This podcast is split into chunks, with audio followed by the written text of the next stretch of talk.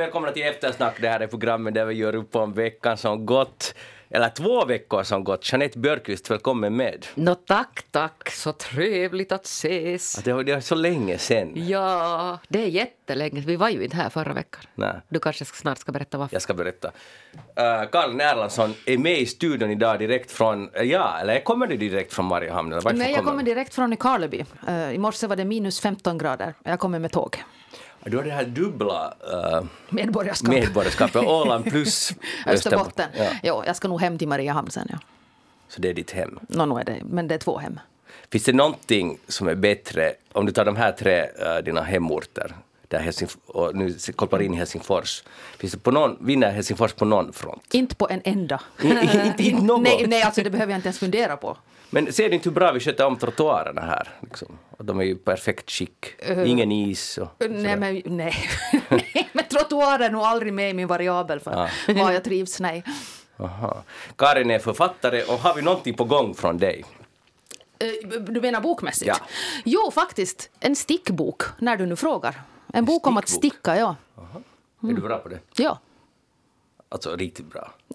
Alltså det är det enda jag har bra självförtroende eh, med. Så att jag säger ja, jag är Inte riktigt skulle hon bra på välja det. ut en stickbok om hon Alltså inte det är ju inte mönster, det är fakta. Sådär. Ja, men det Fakta är bra. stick. Men är du bättre att sticka än att skriva? Det skulle jag säga, ja. För du är ju ganska bra på att skriva. Ja, men mitt självförtroende är definitivt bättre när det kommer till stickning. Intressant. imponerande. Du måste vara förbannat bra stickare. Ja, hon är ju alltså antagligen världsbäst.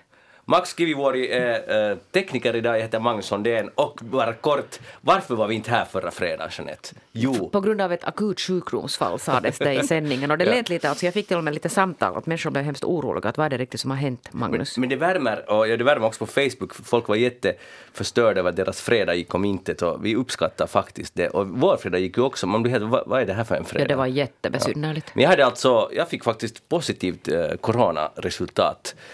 Så jag var borta några dagar. Men nu är jag tillbaka. Ja. Att det var inte värre än det. Att om det skulle varit före 2020, jag, jag vet ju att det här är bara den varianten jag fick, men om det skulle varit före 2020 så skulle jag sagt att jag var lite flunchig i tre dagar. Och that's it. Men, hej, vi fortsätter veckan som gått. Eh, nu är det inte dags att korka flaskan. Om ni hade tänkt göra det den här helgen, gör det inte. För att Marko Mäkijärvi, chefsöverläkare vid HUS, han säger här i en intervju i TV-nytt att det är nu inte nu dags för det. Och då antar att han syftar på att man kan råka ut för olika olyckor om man är i, i fyllan. Och nu, nu finns det ingen som tar hand om en. Tänker du ta det här på allvar nu, Karin? Den här Tänk på det nu när du är i Helsingfors. Husse alltså då Helsingin och Odenman, Sairaanhoitopiiri, alltså som förr i världen hette HNS på svenska, alltså Helsingfors och Nylands sjukvårdsdistrikt. Det här är en sak som är sämre i Helsingfors, kan jag säga. Ja, men i alla fall. Va- Ja, nej, jag tänker nog att... eh, alltså, det finns ju den här... Nu kommer de ju att vårda mig, det kommer bara att ta längre. Så har jag förstått. Eh, men det är klart att... Nej, men det var ju lite roligt att han sa just, eller inte roligt, men lite intressant att han sa just det där låt bli alkoholen. Som att det är det man behöver mest vård för i Finland. Fast vet du vad, det kan nog hända att där just i de här hussjukhusen... Ja, det, precis. Det är det jag tänker att det sa någonting om, om Ja. vad det handlar om. Ja. Ja. Men jag- alltså, kanske man ska inte skjuta budbärare, men jag tycker bara att det är lite, lite, lite jobbigt att, att, att det är det man säger. Att nu har vi inte sjukskötare på plats, sluta docka. Liksom, förstår ni? Att det är lite, så här, lite sorgligt. Kanske han vet vad han snackar om, men i alla fall vet han mer än jag om den här saken. Men, men ändå att, att då skulle, tänker man ju vidare att då skulle vi ju lösa ganska många problem om, vi inte, vi skulle, om det inte skulle drickas så himla mycket. Att om det är så här konkret, den här uh, beroendet mellan... Ja, så är det, men det var ju också på något sätt lite nonchalant som att, att man att, de flest, eller att man liksom väljer att behöva vård. För det är väldigt många som inte gör Ja, det. exakt. Som kommer att råka ut för saker. Eh, äldre, eh, unga också, men, men kanske framförallt äldre som, man, som jag skulle liksom vara lite orolig för i så fall. Att, men de kan ju ramla. Ja, bra, tack att du, upp, du tog upp det här, för det här var just det som jag blev lite så stött å allas vägnar som trots allt inte kan välja. Nå, nu tänker jag inte bli sjuk den här helgen. Vet ni, att, att det kändes lite sådär, ja, du sa ju nonchalant. Men han sa en annan sak som jag tycker var mycket, mycket värre eh, och som också citerats på många håll. Han sa i den här intervjun att, att nu när vi har, det blir då 25 000 vårdare som är i strejk, alltså i hela Finland, i sex sjukvårdsdistrikt, det är inte bara här. Så sa han att, att det, är som, det är som krig i Ukraina. Jeanette- sen förklarar han aldrig att vad menar han med Nej, redaktören frågade att, att det är ganska allvarligt, eller sådär. Magnus Hertzberg. Eh, ursäkta, Herzberg fråga. Och då sa han, men det är sant. Så sa han, men kommatecken, det är sant. Är det sant, Jeanette? Är det här nu helt som i kriget i Ukraina? Nej. Eh, Va? Punkt. Men han sa ju just så. Ja, men det där, nu kanske han inte besitter all sanning i världen. Nej. Nej, men man blir ju lite trött på folk som drar sådana här uh, liknelser som går på helt övervarvet. Jo, det borde jag vara försökte- jätteförbjudet att säga sådär. Ja, jag, jag såg det här och jag försökte alltså fånga vad, vad ex, alltså, hur, hur tänkte han, Ja. vad, vad var det han menade? För, att- för det öppnades aldrig, att vad var hans logik här? Ja, Nej, jag vad- tänkte också, för att var det var det, det att eh, så många läkare försvinner, alltså att det inte finns helt enkelt hjälp att få, eller det är det att så många sjukskötare, eller, att, eller att det kommer så många skadade. Alltså jag förstod inte liksom vad... Nej, det var, nej, men det, var, det var nog jättedumt att säga så, för det är klart att det inte är så. Inte kan vi ju jämföra oss med det. Nej, nej, och jag tror inte han syftar på antalet skador. Han måste ju syfta på att en icke-fungerande sjukvård. Men ändå är det helt jättefel Ja. att säga så. Vi ska inte säga så där. Men vad tycker ni om, om, om strejken? Är ni, var står ni här? Eh, nu är jag... Alltså sådär spontant så jag... Det första, min första reaktion när folk går i strejk så tänker jag nog alltid att de har fog för det. Eh, sen kan jag lite sådär eh, svaja med en del yrkesgrupper men med, med, med de som jobbar i sjukvården så tycker jag definitivt att eh, de ska få högre lön. Mm. Det är intressant det där för att du berättar mycket om hur man ser på världen. Att när man hör att någon är i strejk så är man antingen det är bra, alltså utan att veta någonting, eller det är dåligt utan att man vet någonting om det. det är ganska, jag tror det är en ganska vanlig reaktion. Och din reaktion är att Att jag nog liksom, ja, men sen andra när man liksom läser, okej, du har fyra gånger högre betalt än jag och vill ha ännu mer, så då är jag kanske inte lika, lika eh, på barrikaderna längre. Men sjukvårdarna är nog definitivt. Jeanette, Nå, nu är jag ju dotter då till en, som det, det, det som nu för tiden heter närvårdare, som förut hette primärvårdare. Alltså en mamma som har jobbat hela sitt liv inom åldringsvården. Och det där jag sökte upp i morse, det där, jag tar nu från MTV Otisets sida, att vad är den här alltså nuvarande grundlönen för de här yrkesgrupperna? Och då har alltså närvårdaren, det vill säga motsvarande, mamma gjorde 2206 euro, alltså det är den här grundlönen. 2206 euro. Jag tror att min mamma under 30 år i branschen kom upp till 1800 och då kan en var räkna ut att vad är pensionen, alltså till exempel från en sån lön. Eh, och sen har vi sjukskötare enligt den här tabellen är 2546 euro. Sen kommer det alltså vissa sådana här, för att de gör treskiftesjobb eller, eller åtminstone tvåskiftesjobb, så kommer det på sådana pålägg. Men de skulle vilja alltså då gå upp så att, att närvårdare som hade 2206 skulle komma upp, upp till sådär 2899. Så det ska alltså fortfarande vara en lön som ligger under 3000. Och sjukskötarna skulle vilja komma upp till 3346 euro. ja. Och sen, vi ser nu igen, för, för det här är alltid det där motargumentet, men de får så jättemycket tillägg när de jobbar Jo, men alltså man ska obekväma nog- tider och så vidare. Mm, men Ja. man Men då nog- jobbar de ju också obekväma Jo, jo, tider. så det är ju. Det är just det. Alltså jag alltid på något sätt tycker att man ska vara försiktig med att dra in det här att liksom kalkylera lönen på basis av alltså tillägg som kommer. Utan man måste nog alltid titta på något sätt på den där, på den där grundlönen. Nå, sen tycker jag att det har varit kanske lite intressant att titta för att jag har ju då följt med den här rapporteringen och läst ganska mycket alltså som har skrivits. Så det har varit otroligt stort fokus på allt annat utom uh, vad det egentligen är de vill.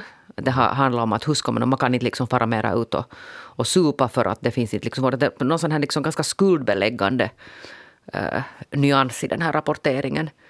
Och, och sen det här att, att vad det var det månne nu han samma Jappe som igår alltså talade om det här att, att de har inte nu sett till att det finns tillräckligt alltså starkt det här skyddsarbets på något sätt nätverk. Och Då ska vi tänka att nu talar vi alltså om en grupp människor som strejkar som är så viktiga att de inte ens kan få strejka på samma villkor som, som andra. Att, att när de ska gå i strejk så ska det arrangeras alltså på ganska komplicerade sätt för att liksom ett system ska hållas. Så ser man inte redan då hur viktigt det här arbetet är. Och dessutom så, alltså det där med skyddsarbete, det är ingenting att leka med, det är ju superviktigt. Och, Jo, och de gör, Jo, de gör det. De måste enligt lagen. Så det, det, jag tycker att det är inte ens något man behöver snacka om. Det är helt klart entydigt. Jag tror att facket är också helt entydigt med att, Ja. att det här fixar vi. Ja. Men sen är det just att det finns olika anklagelser. Kommer det att funka, kommer det inte att funka? Hur många finns det på den och den avdelningen och hur många, det där står ju ord mot ord. Men sen att man går, borde alltså fortfarande gå till alltså grunden, att var, var har allt det här startat? Det har startat det att de har varit underbetalda alltså i evigheter och varenda gång alltså en, någon i vårdpersonalen säger att vi skulle vilja ha löneförhöjningar, så det går inte. Nej, för det är inte rätt går tidpunkt. aldrig Nej. och det är för dyrt och, och någon hade nu påstått att hela det här vårt välfärdssystem kommer att krascha om man skulle liksom böja sig för de här, de här ofattbara alltså lönekraven. Notera alltså en, en närvårdare som alltså då till exempel alltså de upprätthåller nu i stort sett alltså hela äldrevården i det här landet eh, ber om att få en lön som ligger fortfarande alltså under 3000 rejält. Och det håller ju på att krascha ändå, men andra vägen eftersom det är så många som söker sig från jobbet och det är så få som vill ha det. Och då kraschar det ju verkligen sen. Jo, och är det inte konstigt att i alla andra branscher så kan man applicera, man ser det här, vi måste alltså överbetala till exempel statsdirektörer eller sjukvårdsdistriktschefer för att kunna ha alltså en konkurrenskraftig lön så att vi får alltså goda chefer i vårt system. Och det går alltid. Men sen när man går ner dit till verkstadsgolvet så det går inte. Nej, det är inte rätt tidpunkt och jag menar, vi kan kanske fundera på det senare. Så det är ju det här argumenten att det, Ja. och, och sen, vi har nu levt igenom över två år av pandemi. Det har väl blivit ganska tydligt för alla, ska man tycka, hur viktigt det är. Att Ja. om inte nu, att om inte nu så aldrig kommer man att förstå det. Berätta Problemet är ju förstås Jeanette, att det är så många det berör. Ja. Och, och, och, och det, det, det, är liksom inte bra. Men alltså det där, alla som vet någonting säger att vi har alltså redan alltså, det här systemet håller på att kollapsa för att det helt enkelt alltså inte finns personal. Och det är inte liksom en, en bransch som man går in i för att, till exempel för att lönen är jättedålig. Men den där, vad heter han nu, Markku Mäki? Mäkijärvi. Järvi. Nå, där i hans eget lilla sjukvårdsdistrikt som alltså då inte är så litet. Så där har man ju nog det där, det har vi ju fått läsa i tidningarna om längs med pandemin, att hur man har farit fram alltså med sin vårdpersonal där, för att det har nog varit det ena övertrampet efter det andra. Så jag kan alltså särskilt väl förstå att sådana som jobbar i det sjukvårdsdistriktet är ganska trötta. Att det kommer liksom som tack så fick de någon sån här helt superskruttig alltså julklapp där man hade satt liksom ett par konfekter och var det någon sån här, vet ni, sån här tuikkuljus, vad heter de här små värmeljusen i någon plastpåse. Och sen kom nästa som det kom så fick de någon sån här e-post att de kan printa ut bilder, uh, alltså printa ut sån här kort Till sig själva till sig, nej, eller till, som man kan ge till kollegan sådär bra jobbat, kämpa på. Förstår ni att, att det liksom var arbetsgivaren och sen hade de blivit lovade då för att de har faktiskt jobbat hårt, alltså många. Också alltså sådana som inte har alltså varit inom coronavården. Så hade de fått ett löfte om att de skulle få en sån här engångslönepott, alltså en, ett litet extra tillägg på sin lön. Och det backades också. Först lovade man och sen ramade man tillbaka, nej inte får ni heller. Och sen tror jag att det gick faktiskt så att de, de, de fick, i alla fall en del fick det. Så inte vet jag, liksom, nu, nu förstår jag, jag förstår nog väldigt, väldigt bra. Karin, och, din analys av samhället. För, för, för det är ju så här att man har en debatt både med så kallat vanligt folk och man har det i eftersnack eller man har en politiker eller med vem som helst tjänstemän. Alla är överens att de borde nog få men det, det, det är lite fel att sån här kvinnodominerad bransch, det, det alltid liksom trycks ner när det gäller löner och sånt här. Men hur är det möjligt? Alltså om du skulle måste svara till någon som aldrig har varit på jorden förut, hur skulle du förklara det? Varför eh, kvinnobranschen har lägre Ja. lön. Eh, för att just i den här, det handlar ju om vad man anser att kvinnan är och i då, då man, jag förklarar det här åt den här lilla gröna gubben som kommer från Mars så, så säger jag att eh, kvinnan anses traditionellt vara mer vårdande eh, och därför så är hon lycklig över att överhuvudtaget ha ett jobb och få hjälpa till. Eh, och man tar henne för givet. Man behandlar henne som att hon skulle vara något eh, barn, alltså ge något litet ljus eller printa ut ett kort till kollegan. Det är ju inte ett vuxet beteende. Eh, Så det är nu ett nedvärderande och vi lever i ett patriarkat och sen skulle jag ha en lång föreläsning om patriarkatet och den gröna gubben skulle få hem. Jag skulle kunna tillägga, jag skulle kunna tillägga att det är ju liksom också ett problem för att det där, nu talar vi alltså om en, en yrkesgrupp som gör ett, ett jobb där man alltså i princip, alltså resultatet av deras arbete är inte alltså, det är, man kan inte mäta det i ekonomi, alltså ekonomiska termer, man gör inte vinst alltså inom vården. Men det finns nog sådana som gör mycket Ja, det gör alltså, finns, men förstår ni att, att det är på något sätt så att, att man ska alltid titta på att, att jobbet värderas enligt hur mycket Mm. man liksom drar in cash. Och här är ju nu så att man gör liksom andra, det är liksom ett annat slags jobb, man vårdar människor.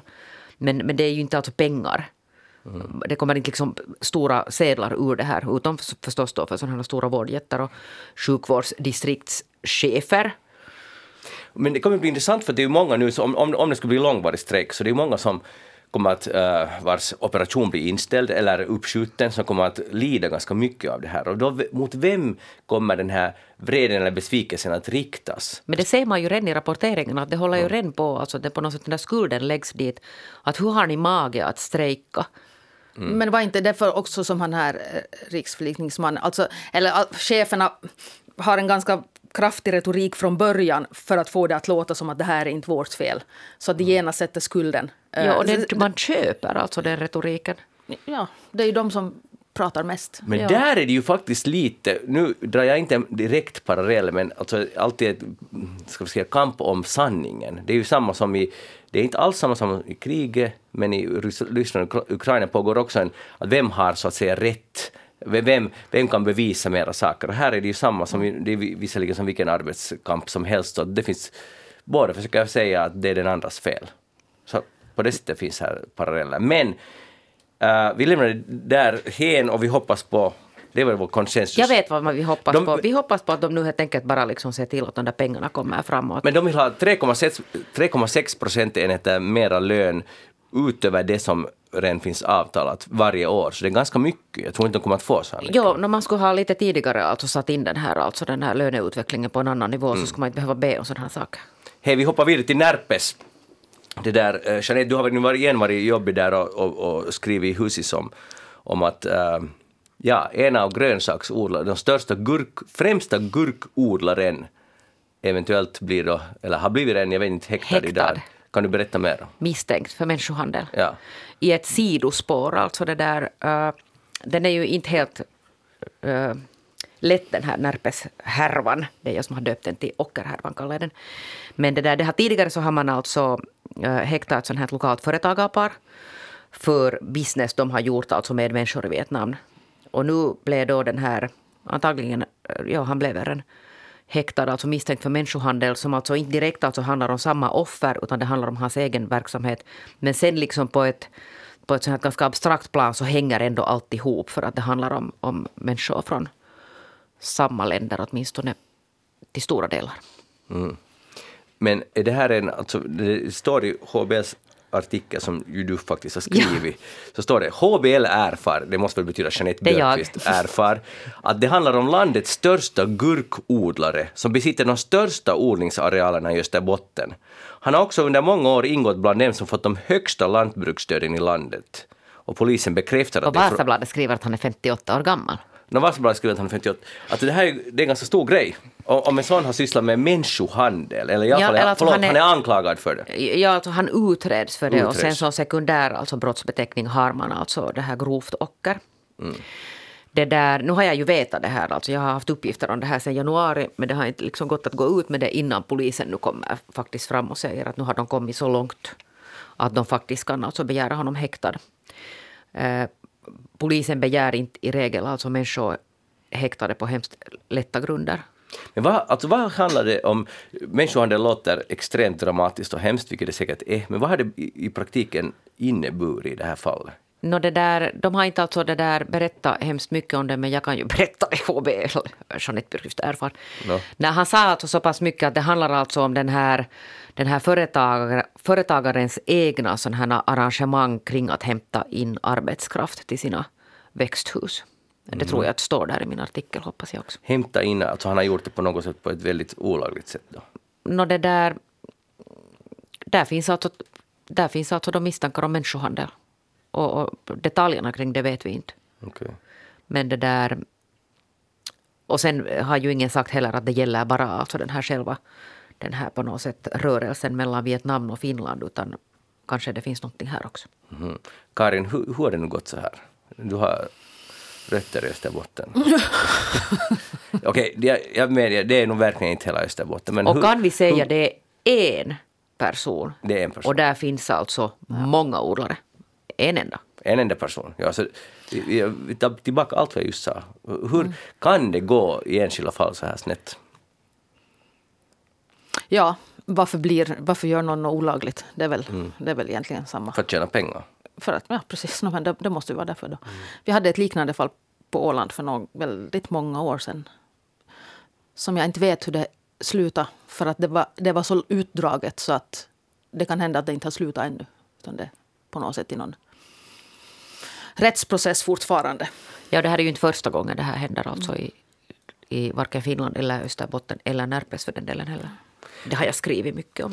Men man kan ändå inte låta bli, för det är nog ganska smutsigt alltså att man lever i ett sånt här tryggt och rikt samhälle som Finland då är, och man får mycket statligt understöd tydligen, och om de här anklagelserna stämmer, eller misstankarna stämmer, att man ändå har ett behov av att utnyttja massa andra människor. Alltså att, att de är ju liksom människor, de blir bara liksom något spel i, hans, i den här personens, eh, eller brickor i hans spel för att få den businessen att gå ännu bättre. Att det, det är bara ganska, uh, det är ganska väldigt beklämmande, eller inte ganska, utan det är väldigt beklämmande. Ja, och jag har också börjat fundera på, eller börjat se så tydligt att de lagar som finns och som vi har eh, handlar ju om att skydda de svagaste.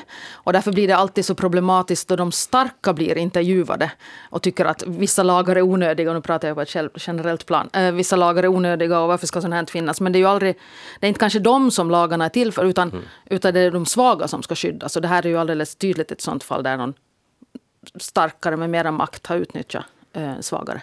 Men tänk så svårt vårt duktiga samhälle har haft att komma åt det här, för enligt vad HBL erfar så har det här pågått ganska länge. Det eller? har pågått väldigt länge. Mm.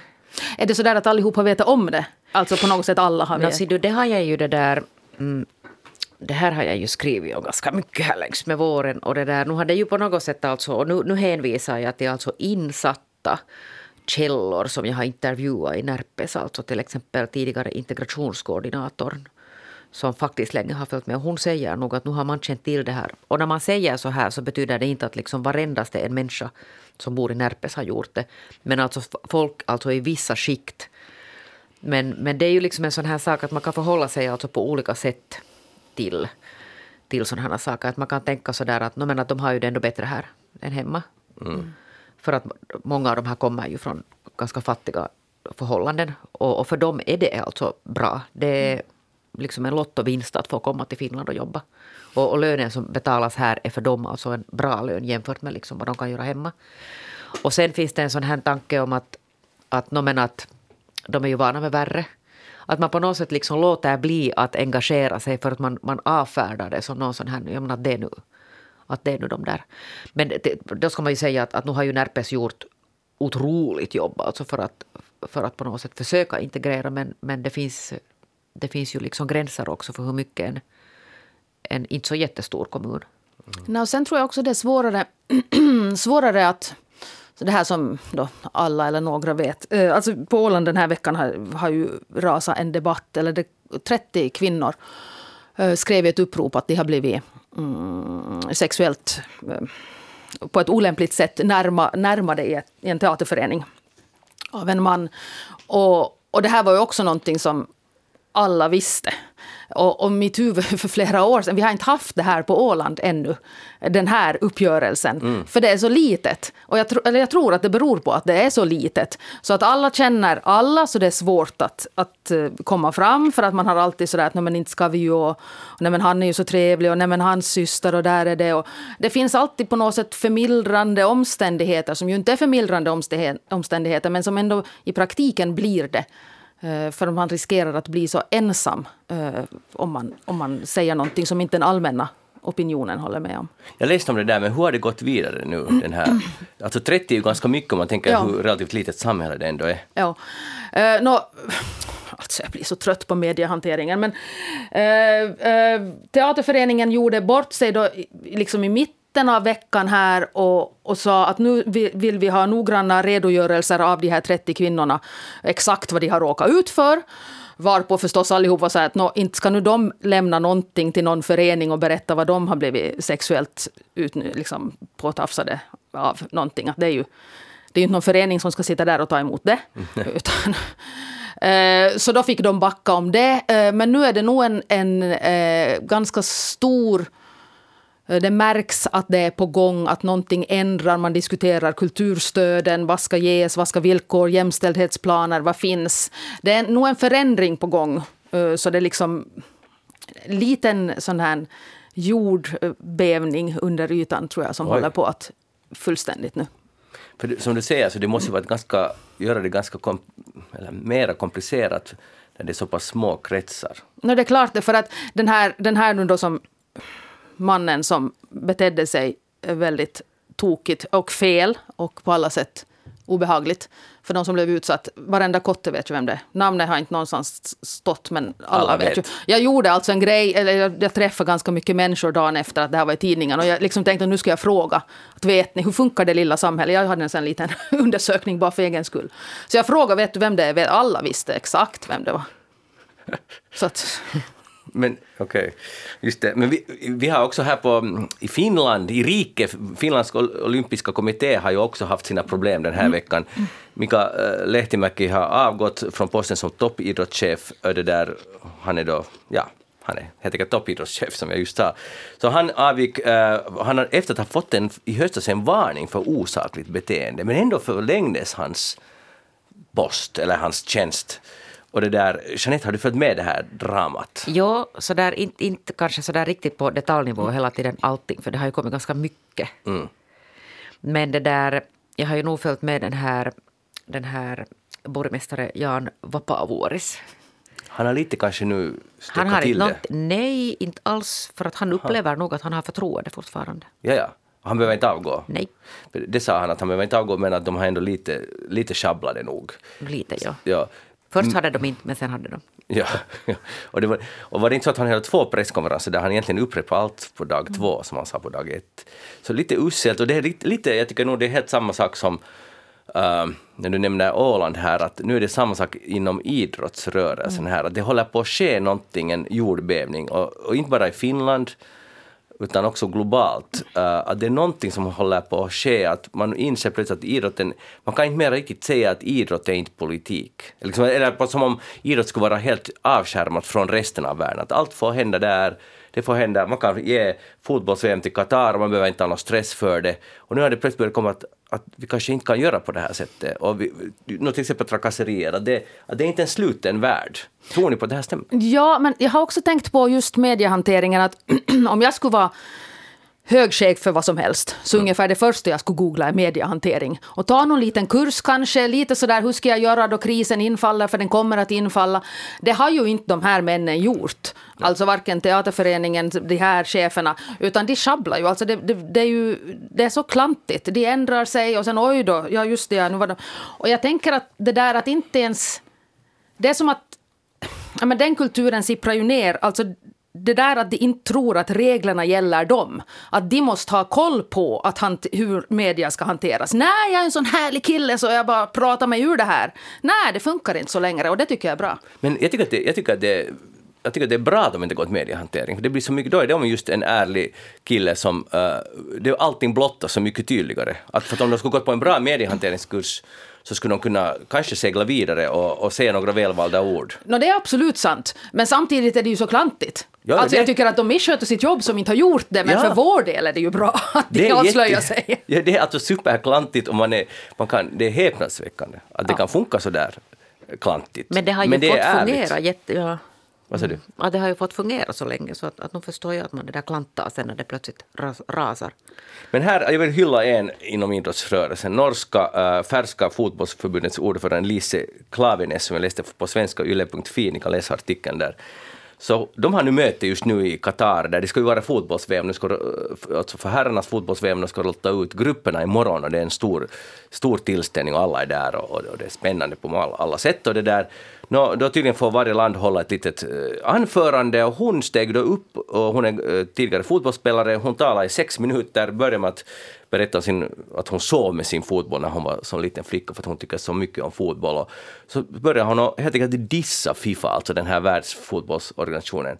Och det vad hon säger är helt sakligt, 100% rätt och sant, att vi, vi kan inte fortsätta bara liksom ignorera allt. Vi måste leda och visa att fotbollen, för det är ju en enorm business och enorm sport som väldigt många älskar.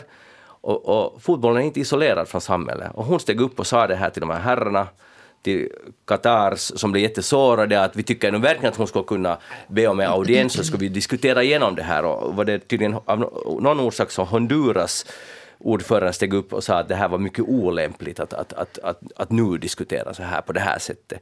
Det är igen det här som sjuksköterskornas löner, att när är det rätta tillfället? Det är aldrig. Nej. Vem var det här? Sä- he-? Lise Klaveness. Ja, jag är imponerad. Ja, jag är också. Och mera måste säga så här. Så här. Och, och det där, för hela det här, jag säger att fotbolls, herrarnas fotbolls-VM håller gå, på att gå mot en säker undergång om man, man väldigt snabbt bort med de här gamla garde och helt nya typer dit och sluta med att ge VM till Qatar med allt vad de har sysslat med. Det har dött tusentals människor att bygga några stadion så vi ska kunna titta på de där matcherna som aldrig kommer behövas efter det här. Det är helt sjukt. Ja. Och det sa många redan när det gavs, men då lyssnade inte tillräckligt många på det. Där sitter man nu. Hej, uh, vi har ju ett krig som pågår, Ryssland-Ukraina. Uh, eh, Ryssland invaderar Ukraina, och, uh, eller har försökt i alla fall.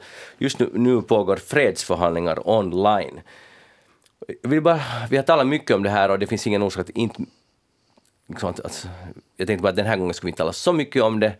Jag har själv blivit helt beroende och förstörd av att, av att följa med den här medie... Vad ska vi säga? Tsunamin som kommer varje morgon när man kopplar upp sig. Men en sak som jag funderar på, när Biden sa ju den här veckan att eh, när han var i Polen, så avslutade han sitt tal med “For God's sake, this man cannot remain in power”, syftande på Putin. Och det blev ett stort hallå om det här. Vad tycker ni om det? Ja, jag tänker att hela från början hade ju varit som att Putin och resten av världen är ju helt olika. Eh, liksom, olika böcker på något sätt. Eh, där resten av världen försöker ha någon slags regler, till och med i krig. Där man förhandlar och där man kommer och där man liksom, det finns anständighet. Och så kommer Putin från sitt håll och det finns inga regler, det finns ingen anständighet, det finns ingenting. Och på det sättet var det lite fräscht då att Biden sa någonting som, som kanske mera var på på liksom andra.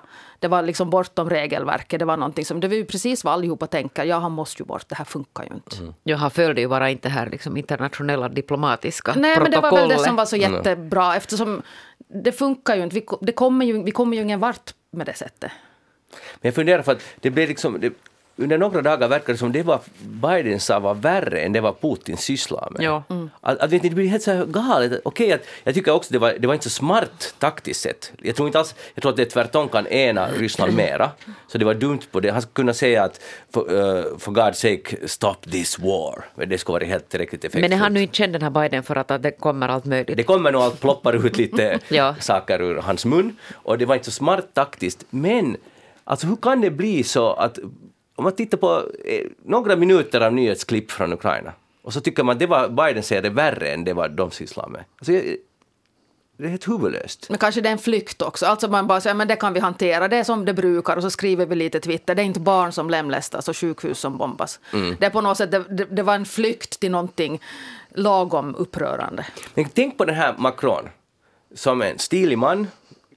Man, han är ju liksom effektiv och verkar bra. Det han gör, han, han dissar Biden för att Biden säger sådär. Och istället ringer Macron varje dag till Putin och försöker, skulle, vi, skulle du vilja sluta kriget? Nej, du vill inte. Men, men skulle du kunna öppna korridoren? Nej, du vill inte. Men skulle du vilja göra så här? Och ingenting får han till stånd, i alla fall inte vi, vad vi känner till, så här i offentligheten. Och Macron dissar liksom Biden för att han säger sådär. Och jag tycker bara att Macron har ingenting att visa upp den där alternativa att snacka med mobbaren, att det har inte, i alla fall tills vidare lett någon vart. Så jag undrar bara vem som har den bättre strategin här i den här frågan. No, jo, men alltså på något sätt måste man ju ändå tro på det där att, att några kanaler måste hållas öppna. Men och jag förstår, och jag förstår att det inte leder alltså någonstans, men det hade väl ingen ens kanske tänkt sig att det kommer att leda någonstans. Det är ju helt uppenbart att det går inte att diskutera med Putin. Ja, nå. Eh, sista frågan. Ska gator byta namn? Nu är det en trend i hela världen. Eh, att till exempel Fabriksgatan här i Helsingfors skulle heta till exempel, vad ska vi kalla, Slava Ukraini-gatan eller något liknande. Uh, vad tycker ni om sådana symbolhandlingar? Jag tycker om symbolhandlingar. Uh, jag tänker att uh, det blir ett idogt jobb att byta gatunamn på alla konflikter framöver. Så att... kort sikt, ja, byt varenda gatunamn som finns. Lång sikt får vi problem. det kan man. Eller vi skulle nu ha problem om man skulle kunna sätta sig ner då och börja lista, alltså för att det pågår ju ganska många fler konflikter. Men jag tycker, jag tycker, jag tycker faktiskt att, att det är nu lite så, alltså nu, jo, jo, det det är helt fint och det är en fin symbol, men det finns mycket finare det här, den eller de personer som har kastat in kilogram av äh, solrosfrön över staketet på fabriksgatan till ryska ambassaden, det tycker jag är en jättefin symbolhandling. Det är så liksom perfekt att någon har faktiskt tagit sig det här besväret och dumpat dit dem och sen sprungit iväg från platsen. Och tänk om det någon dag kommer upp Ukrainas nationalblomma inne där på fabriken. Det tycker jag är en snygg. Alltså det har ingen betydelse, jag förstår det, men det är snyggt. Jeanette Björkqvist, vad har du tänkt på den här veckan? Nå hör du, boy, boy. Jag har det där, jag har från min skoltid sån här om jag nu säger trauma så överdriver jag, det förstår ni, men jag tar nu till den här stora retoriken. Men jag har alltså följt mitt barn nu för att hon grupparbeten helt enkelt. Alltså förstår ni, grupparbeten mm. från skolan. För att ja, det där det var något av det värsta jag visste. Alltså det, det, det, det gick aldrig bra det här grupparbetet. Det liksom på något sätt gick alltid tokigt. Och nu sitter jag och följer med alltså mitt barn och jag ser alltså mig själv i henne. För hon har likadana alltså problem med sitt grupparbetande. Och jag förstår varför man i skolan ska grupparbeta. Jag förstår att man ska lära sig samarbeta med, med det där olika människor och liksom på något sätt sådär och det behövs liksom sån här kunskap sen i vuxenlivet. Men, men på något sätt de här skolans grupparbeten där det i alla fall i mitt fall alltid gick så att, att de här lataste och på något sätt slarvigaste så de sattes alltså man kom bara alltså grupper så där att det skulle vara ganska stor variation. Och så blev det sen så att man själv gjorde allting och de andra fick samma vitsord fast de inte gjorde någonting. Hon är ju bitter ännu. Ja. ja. ja alltså jag, har ju fått, alltså jag fick ju sen sån här egentligen liksom, jag ska aldrig mera i hela mitt liv alltså att, att grupparbeta. Så jag har ju varit alltså ganska dålig så att jag vill alltså helst göra allting själv. Ja. För det blir alltså helt enkelt bara bäst om jag får alltid göra allting själv. Nu har jag faktiskt alltså den här våren så har jag haft lyckan att att där träffa på en massa människor som jag gör projekt tillsammans med första gången alltså egentligen i mitt liv. Som det är jätteroligt att jobba med, mm. med andra som jag sa att kanske det inte var så hemskt det här, att kanske jag mm. borde komma över den här trauman. Men nog ju grupparbeten i skolan, tycker jag vet inte, tyckte ni att det var jättetrevligt med grupparbete? Nej, alltså jag är precis som du. Jag, jag hade bara upplevelsen att jag fick släpa på folk som var sämre än jag. Förlåt ja. nu. Uh, så var det. Uh, så att jag har också, hela mitt liv, vuxna liv har jag sen uh, gruppar, eller liksom motsvarande grupparbete. Ja. Jag hatar det. Och nu har jag börjat inse att nej, men det kanske, vi kanske faktiskt kan tillföra någonting åt varandra. Uh, ja, uh, om man liksom kan välja det här. Men det där att det liksom på något sätt kombineras, de här grupperna. Ja, sen vet jag riktigt om det är liksom faktiskt till nytta i skolan. För att... Nej, och vet du vad jag har tänkt på också? För jag har tänkt ganska mycket på det här. Jag har gått och hetsat upp mig på de här grupparbetsfrågorna. att det är ju inte heller särskilt alltså pedagogiskt att lära de här som bara surfar med där liksom på, på vågen och gör någonting. Så det är ju inte så jättebra att man kan gå igenom skolan utan att egentligen liksom delta. Att man bara surfar omkring där i någon grupp och sen gör Karin allt jobb. Eller, så kommer man ut i vuxenlivet så är man van att någon annan alltid fixar och sköter allting. Men tänk vad fräscht det är om lärarna skulle på något sätt faktiskt... Nu har vi... Eh, ni tre, ni gör ju aldrig någonting, ni får vara i samma grupp. Ni tre tjejer, ja. högpresterare, ni får vara i samma Exakt. grupp. Exakt! Då skulle det vara. Men att Exakt. de där grupperna där att alla ska med alla, nej det tycker jag faktiskt inte. Men vänta, tänk om, är ni säkra på att det inte syftet med att ni, ni fick bära all, allt det här ansvaret, men tänk om syftet med era smarta lärare var att ni skulle lära er lite att släcka och ta det lite lugnt? Nej, och, helt säkert inte. Va? I så fall misslyckades Det ja. skulle ha varit helt underbart ifall det skulle ha varit så. Det kan ju också hända att alla andra i gruppen tyckte att jag var jättedålig. Mm. Alltså faktiskt för att jag var så överspänd. alltså jag kan säga att jag, jag har säkert alltid varit i sådana här sammanhang jättejobbig. Jag vet inte liksom ja. Eh, dålig men åtminstone jättejobbig för jag blir ganska nervös om människor latar sig. Jag tycker att alla borde ställa ambitionsnivån högt och så ska man jobba liksom mot samma. Men vet ni, ja, det, det låter bra, men vet, ni, ni måste ju känna till den där reaktionen som eh, som ni kanske skapar hos andra. Om ni är jätteduktiga och jättespända så får det helt motsatt effekt hos de andra i gruppen. Att de blir helt, nå men låt nu henne sköta, hon tycks nu veta bäst. Låt nu henne göra allt. Att ni säkert inte blir utsatta för det. Att, det, att de kanske gick in dit med pigga och nyfikna och sen tar Helt Jeanette och Karin inte. över. Det stämmer inte. Ja, säk, liksom... Jag är säker på att det var, och det gjorde ju att mitt, mitt upplevelse av grupparbete blev ännu värre. Dessutom hatade alla mig. ja, men kanske inte alla, det var ju lite sådär beroende på grupp att det kan hända att det var något sånt här, men nu var det ju hemskt ofta så var det ju nog så att det faktiskt nog inte fanns den, utan det var mer sådär att, att, ah, yeah, att hon gör allting. Men, men fundera igen, alltså, jag, jag förstår nog exakt vad ni menar. För jag, jag har helt annan, eller inte helt, men ganska annan bild av grupparbete. Jag skulle inte säga att jag var någon slacker, men jag såg det som en möjlighet till kollektivt slackande. Som kille gjorde vi alltid så här att, att man sen gjorde så att man snackade strunt och sen när man måste lämna in något så skrev man nu någon ihop någonting lite för att klar, just komma över gränsen. Och det var jätteskönt med grupparbete. Det var, för det alltid, vi föreslår alltid på timmarna, kan vi inte få göra gru- grupparbete? Då trodde ju lärarna att, att vi ville liksom men det var, att vi ville samarbeta tillsammans. Men det var bara ett sätt att kollektivt ta det jättelugnt.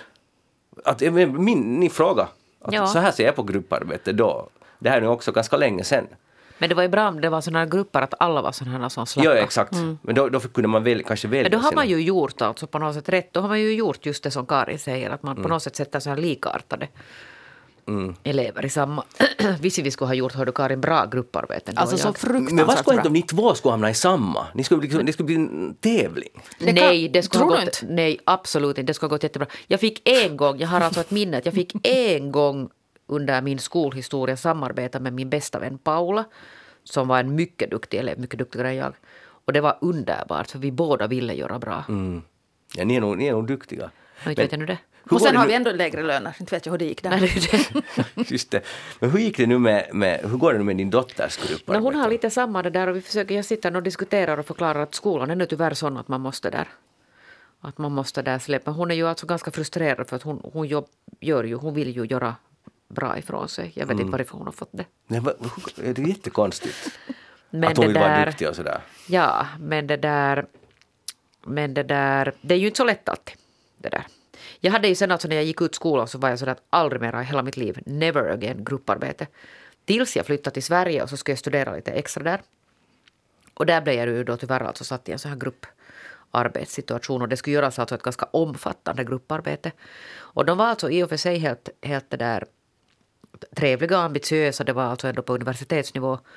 Men de kom ju aldrig vidare, förstår ni? Alltså man skulle träffas och träffas och prata och prata och prata och prata och till slut var jag bara sådär att nu måste de bara helt enkelt ta i det här och få det här alltså framåt. Mm. Och jag kan bekräfta, jag har hört från en nära äh, bekant i min familj som har försökt göra grupparbeten i Sverige och han bekräftar att det är fortfarande på det, på Ja. det där sättet. Att det är ett oändligt ältande, man kommer aldrig vidare. Nej, det bara ingen, fastnar liksom. Jo, och ingen kan på något sätt där i den där svenska gruppen, så ingen kan ta i det där att nu måste någon alltså leda det. Ja. Alltså om inte jag skulle ha gjort det här så tror jag att jag skulle sitta i Malmö fortfarande och diskutera. Det, vi är glada att du inte är där. Ja.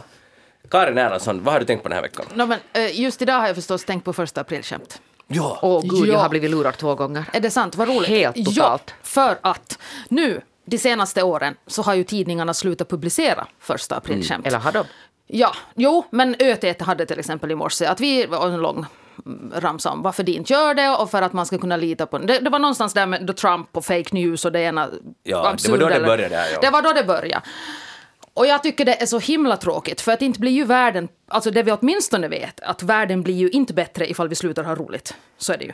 Och jag tycker att det finns en, en på något sätt gemytlighet i att en tidningsredaktion sitter och funderar ut ett aprilskämt. Jag tycker att det finns, eller jag, jag har väldigt, eh, jag tycker att det ska finnas Eh, alltså det, det finns, ska finnas ett moment av att man ska göra någonting. Alltså ett år hade, eh, jag tror det var Nya Åland som hade att, att man skulle komma med, för eh, landskapsborgen ska målas om, men färgen, budgeten räcker inte till färg, så allihop ska komma med, med röd, gul och blå färg och börja måla. Och det här fattar man ju att det här är ju, ett, men det är ju vad roligt. Eh, och så, så jag tycker det ska finnas liksom ett moment av att att man ska aktivt göra någonting. Och sen tycker jag också att det ska finnas liksom någon sån här eh, som blir intervjuad, en fake person där man lite förstår att det här är liksom eh, förstus aprilus liksom. Ja. Ungefär. Så det är nog bara liksom en rolig sak. Och det tycker jag att är väldigt, väldigt eh, tråkigt ifall försvinner faktiskt. Ja, och det har ju varit, som du sa, några år där, och jag tror att vi har talat om det här också tidigare, hur ledsamt det är när tidningar eller journalistiken börjar ta sig själv så på allvar att man inte kan den där ena dagen skämta om och använda samma metoder som journalistiken använder och just första aprilus u- uttala sig. Och när det ändå finns alltså en viss förväntan av Ja. publiken att man, man vill ha den där Ja. och söker kanske till och med. Men jag måste medge att det här var första året någonsin som jag tänkte att är det nu, jag, tänkte, jag bara säger hur jag tänkte. Jag tänkte i morse när jag bör- började läsa är det nu lämpligt att ha ett första april? Och då tänkte jag på Ukraina-kriget. Men jag kom ändå fram till mitt huvud, det är lämpligt bara man sätter på rätt sida så att säga, i rätt sammanhang, så är det jättelämpligt. Alltså, jag menar, det tar inte bort, vi förstår alla det allvarliga som händer, men det tar inte bort från det att man inte skulle förstå det plötsligt. Om man plötsligt skrattar i tio sekunder åt ett bra journalistiskt skämt. Så, så, ja, det är jättesynd. Vad sa du, var det ÖT som skrev att nu, nu, nu är det slut på Ja, aprilskämten? åtminstone inte idag och de hade inte gjort det i fjol heller. Liksom hade en förklaring till varför. Ja. Nej, jag tror faktiskt det är så att de flesta inte har haft på några år. Men jag, jag, alltså jag, jag förknippar det alltså, lite faktiskt med lathet. Alltså Mm. sådär att vi, vi, vi ska inte göra det här nu, nej men vi tar det här bort det här nu. För det är klart att det kräver ju att någon ska ju sitta och skriva en, en påhittad artikel. Eh, som man kanske inte riktigt prioriterar. Eh, Och man ska ju vara ganska kreativ när man hittar Nej, på men visst, och, och kanske också träffa varandra. För att det där tycker jag ofta har hänt. När jag jobbade på Nya Åland så var det ju ofta liksom vid kaffebordet vi satt och spånade ihop det där. Eh, så att, ja, nej, jag tycker inte om de strukturer som har, som har lett till att första aprilskämten försvinner. Men du jobbar ju länge på Nyan, mm. Nya Åland i Mariehamn. Ha, hade ni aprilskämt? Och vi hade alltid. Nå, Hur är det i år? No, alltså jag har inte läst dagens tidning. Ah. ja. Tänk om de inte har? Jag tänker om de inte har. Oj, vad jag skulle bli besviken. Hoppas. Men eh, nu är det ju dags att tala om era favorit-aprilskämt i tidningarna. Har ni något sådant som ni kommer ihåg? Nej, men jag minns ett, eh, för att eh, vilket lite talar emot det som jag just sa. Men eh, det var för några år sedan så hade de då, 2 april hade det en, en tidning sammanställt första aprilskämten. Det här var på den gamla godhetstiden och det fanns många. Så de hade sammanställt. Och då hade de eh, skrivit att eh, nu ska bussarna börja köra på fiskrens i Mariehamn. Och det Och var då? på fiskrens, alltså eh, fossila bränslen av fiskrens. Aha. Men det var inte ett aprilskämt, alltså det är helt sant. och det här hade liksom den här, haha, tagit det på aprilskämtsidan. Så det minns jag som faktiskt Mm. lite roligt på något sätt. Men min favorit är nog alltid, den Guardian hade med bild och allt från Italien, att nu är det dags att skörda spagettin. Och så var det bild av en jappe, en italiensk kille, som plockade ner spagettistråna från trädet. Och jag tycker det var att jag vet inte varför det här, jag kommer aldrig att glömma den. Men en lång artikel om hur den blir skörden i år. Och de plockar ner Och de här. bild och allt alltså? Ja, det var bild och allt. Jappe som plockade ner ett, ett spagettistrå från liksom, trä, spagettiträdet. Och det var helt otroligt bra för det var skrivet just med så här seriöst brittisk humor. Det var liksom kvalitet hela vägen igenom. Det var helt underbart. Och, jag menar, menar bara, och det gör ju, ju, om man bara tänker på en sån banal sak, som, det, eller inte alls banal, men det gör att den tidningen kommer jag alltid att tro på. Förstår ni? För att den är på något, på ett bisarrt sätt blir det liksom motsatt effekt. Att den, de tar tar journalistiken på allvar och sen ena dagen får man skämta om den där allvarliga journalistiken. Jag, jag kan inte riktigt förklara det här, men det, Ja. det, det gjorde att jag hade ännu mera trovärdighet för den Och här man tidningen. uppskattar ju också alltid att någon har ansträngt sig. Alltså Ja. där har de hängt upp spagettistrån i ett träd. Det är ju faktiskt någon som har satsat. Briljant, Och- men Jeanette kommer inte ihåg något. Nej, jag kommer ju inte ihåg någonting. Nej, okej, men, men fast du är... Men de var nog bra. de var nog jättebra. Hej, brukar ni cykla i fyllan? Nej. Har du någonsin gjort det? Alltså jag tror, min bild av Åland är att alla cyklar i fyllan. Eh, De, de gånger jag har bott där så nu händer det i alla Jaha, fall. du känner inte till vägarna man kör på då? Nej, nej. nej, nej, jag har... Mamma och pappa lyssnar på det här. Ah, så du har aldrig cyklat? Jag har aldrig cyklat. Okej. Du har fingrarna kors, bra. Det finns den här självkriminaliseringssaken, man behöver inte kommentera sånt här till radion. Nej men, nej, men alltså det är, inte, det är inte i sig ännu kriminellt, bara om man Visst har utgjort en fara för... eh, Det där, jag brukar aldrig cykla om jag är berusad. nej, just det. Jag brukar aldrig vara berusad heller. Nej, just det. Okej, men eh, alltså det är ju inte något att Det var rekommendera. inte helt sant. Ja. Det är inte något att rekommendera, men nu fun- funderar de på, alltså det ska göras nog en utredning om det här. Att skulle det vara bättre att det skulle vara förbjudet, för att det är så pass många som, ni vet de här elsparkarna, i alla fall i Helsingfors så har det varit ett stort problem och i andra städer också. Speciellt under helgerna, eh, sen förbjöds det ju att de fick inte vara igång under natten, var det fredag till lördag eller fredag till lördag, söndag. Eh, eller det var en hastighetsbegränsning eller hur det nu var, för det var så många som på riktigt skadade sig. Men nu ska man börja utreda om det skulle bli en promillgräns för cykel och elsparkar. Åsikter Jag har det? faktiskt levt i den tron att det redan är lagstadgat att Ja, man inte får också- alltså cykla. Det är ju livsfarligt alltså på riktigt. Både att cykla och åka bil eller de här elsparkbrädorna. Det, är alltså det, det har, människor har dött i Helsingfors för inte jättelänge sedan. Alltså det, det, är, det står så här i lagen, en person som för ett motorlöst fordon såsom en cykel under påverkan av alkohol eller annat rusmedel kan dömas för trafikfylleri med motorlöst fordon. Men i praktiken är det så att en polis kan egentligen inte väl stoppa en cyklist och be den blåsa. För att man måste först utgöra en fara, man måste typ ungefär ha krockat förrän man kan Utom om man ser alltså att någon jätteberusad Jo, för då är man en cyklist fara. alltså vinglar. Ja. Ja. Men man kan inte, någon som ser ut att kunna behärska, eh, styra sin cykel ordentligt så kan man inte egentligen stoppa. I alla fall inte blåsa. Så, eh, men vad tycker ni det är en bra idé? Ja, så å ena sidan, jo, det är ändå där att lagar ska skydda de som är svagast och det är ju jättebra ifall inte man blir påkörd av en full cyklist eller sån här. Men, men sen tänker jag också att polisen har så fruktansvärt mycket att göra uh, ändå. Och att det här med prioriteringar och tid. Och att det, jag hoppas det i så fall också ges mer resurser för det här. Att det inte bara är ett tomt lagförslag. Det kan nog hända att om polisen får mer resurser så är inte just den här saken det första de försöker ta Ja, tag det är nästan så att jag hoppas att de kanske prioriterar annat. Ja. Ja, alltså det där lagar är till för att skydda de svaga, men lagar är ju också till som signaler, alltså någon slags sån här moraliska signaler till, till samhället att det här är hur vi vill att ni ska vara. Mm. Men skulle man inte kunna göra så att man äh, har alltså på elspark, alltså om det är en, liksom en maskin så att säga som gör jobbet, så är det, ska, skulle det bra kunna finnas en gräns. Men jag, jag har lite svårt att om man trampar själv, att ska det faktiskt finnas en promillgräns för det? det Men det är lite det där också att det där, nu måste ju människor ta lite ansvar själva och att inte, inte löser man det här med, med det Ja, där men jag, jo, men det har du nog också, för att rent praktiskt, om, om en jättefull människa cyklar så går det inte så snabbt. Men om man far på en sån här elsparkcykel så kan det gå väldigt snabbt fast man är inte riktigt är kapabel att styra. Ja, precis, jag förstår. Och, och det, då är det nog, ja, det är en skillnad där. Mm. Så kanske cyklarna låter vi vara, men elsparkcyklarna, Mm. ja. Bra! Och Jeanette, du talar om att, att folks eget ansvar. Alltså, tycker du att det finns någon bevis för det? Att, att, att folk har jättemycket eget ansvar? Nej, nej, utan jag tycker att det liksom, vi, har, vi går liksom mer och mer mot det att för att, liksom, för att saker ska hända så måste man lagstadga om det. Eller, Mm. Det är lite eller, ledsamt. Ja, eller polisen måste övervaka, för om inte vi har en lag och en polis som övervakar så vet vi inte riktigt vad vi ska göra. vet ni, förstår ni att, att det är hemskt mycket sånt här Väldigt på något mycket. sätt som, som går, alltså sen när det går för långt så går det för långt för då slutar människor tänka själva. Ja. Att om jag är full så cyklar jag inte och inte tar jag den där elsparkbrädan heller. Det, det skulle ju nog vara idealet att man inser att vänta, nu ska jag kanske inte ställa mig på en cykel. Ja, oberoende om Ja. det finns en lag eller, Ja. inte, eller en polisbil där nära. Ja. Det är det vi hoppas på. Hej, eh, jag läste i BBC en stor artikel som det gick rakt i mitt hjärta. Och det, och inte bara det, utan jag känner mig väldigt uh, trendig. Eh, jag satte den också ut på Eftersnacks Facebook. Den handlar om en intervju med en 17-årig kille som säger att han eller hen orkar inte numera med smartphone. Det, är, det är liksom, det är fel. Och så var det bild på en sån här telefon som jag nu visar åt er. Och som är alltså min telefon. Och i samma färg fanns i BBCs artikel som handlar om en Jeanette 17-årig person. Ja.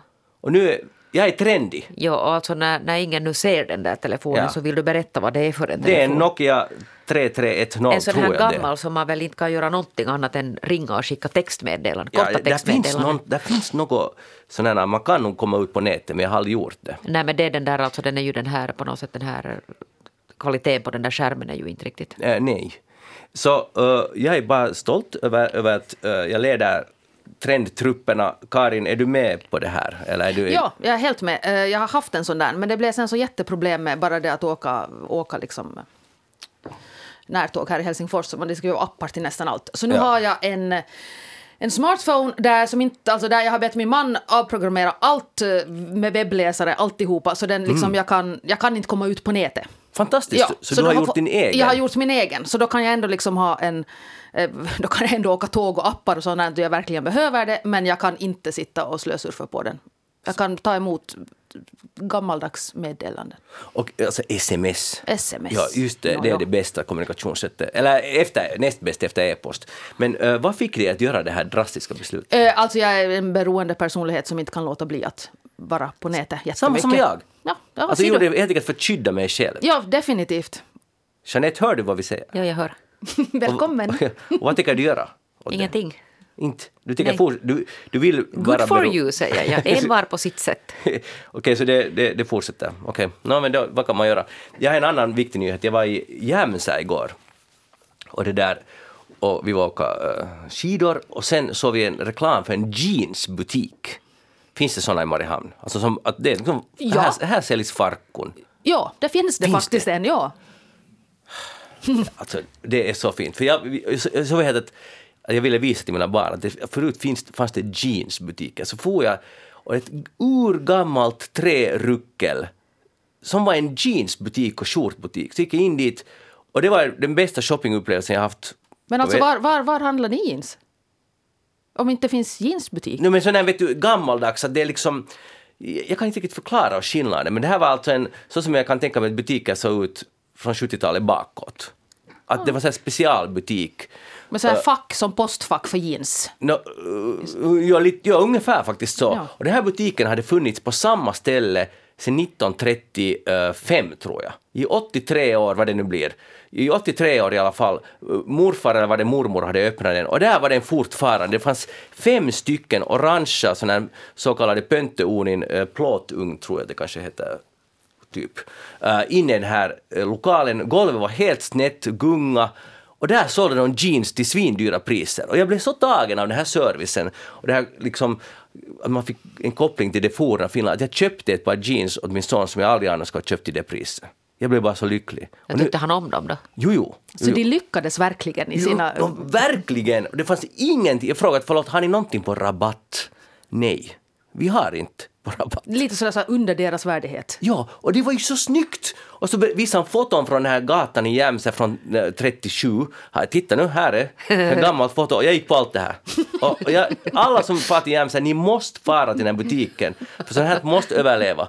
Om det är glad att det finns i... Men hur, hur skulle du beskriva det här som finns i Mariehamn? Är det en, liksom en gammaldags butik? No, det kanske inte fullt så gammaldags, nej. Eh, Den, jag skulle snarare säga att den kämpar på.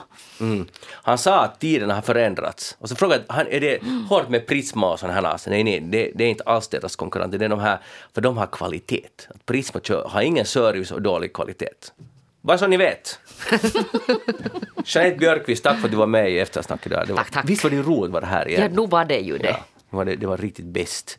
Karin Erlandsson, tack för att du var med. Tack. Eh, jag heter Magnus Lundén. Ni kan gå in på facebook.com eftersnack eller e-posta oss på eftersnack yle.fi. Eller smsa Magnus. Smsa inte mig, för jag, ja, nu får ni göra det också om ni vill. Men ha det bra, och så hörs vi igen nästa vecka eh, då vi alla kommer att vara friska igen. Eller fort, fortsättningsvis. Hej då!